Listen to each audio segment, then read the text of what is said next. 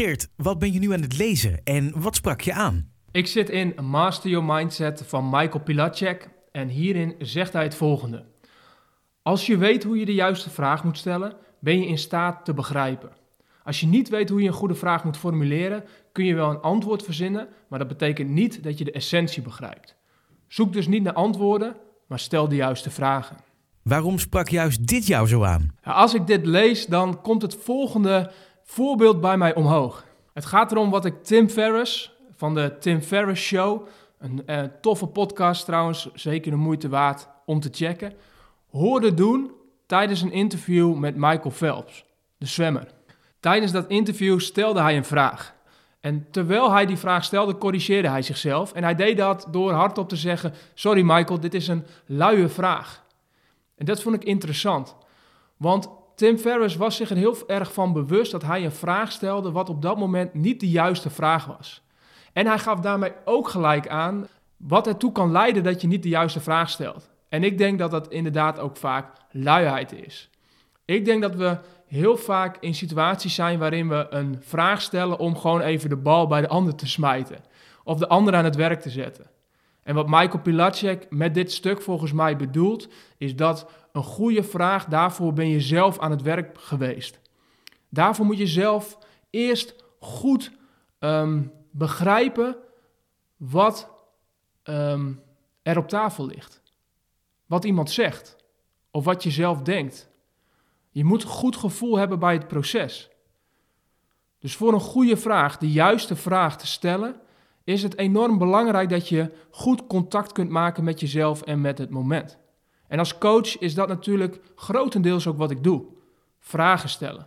Niet zelf komen met de antwoorden en met adviezen, maar juist de ander helpen om tot de juiste antwoorden te komen door zelf de juiste vraag te stellen. En ik kan je vertellen, dat is hard werken en dat is ook een grote uitdaging.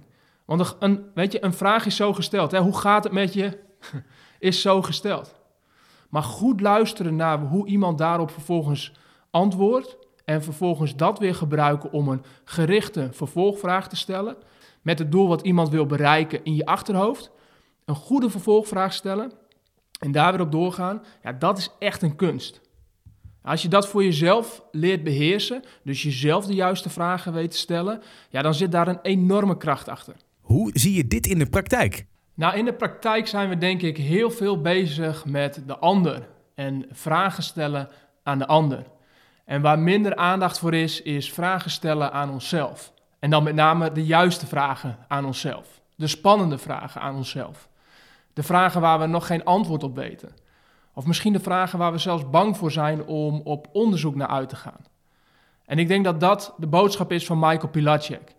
Dus in, in plaats van ehm, bezig zijn met de ander en ehm, vragen stellen aan de ander of uh, vragen stellen aan Google om de antwoorden voor jou uh, te tonen, uh, ga naar binnen, ga naar jezelf en stel jezelf de juiste vragen.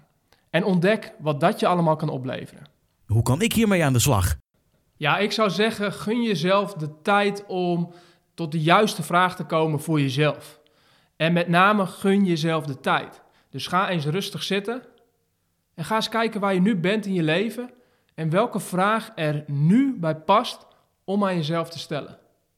Je hoeft je dus nog niet druk te maken over het antwoord. Je hoeft nog niet de eerste beste vraag te pakken.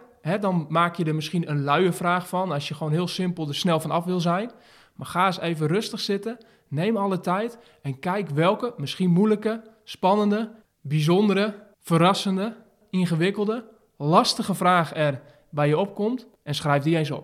Oké, helder. Bedankt voor het delen. Ja, graag gedaan. Jij bedankt voor het luisteren. En als we het dan toch hebben over delen, dan wil ik je nog het volgende vragen. Als deze podcast jou iets van waarde heeft opgeleverd, dan wil ik je vragen om deze podcast te delen met één iemand uit je omgeving waarvan je weet dat hij of zij hier ook iets aan heeft. Dankjewel en tot de volgende keer.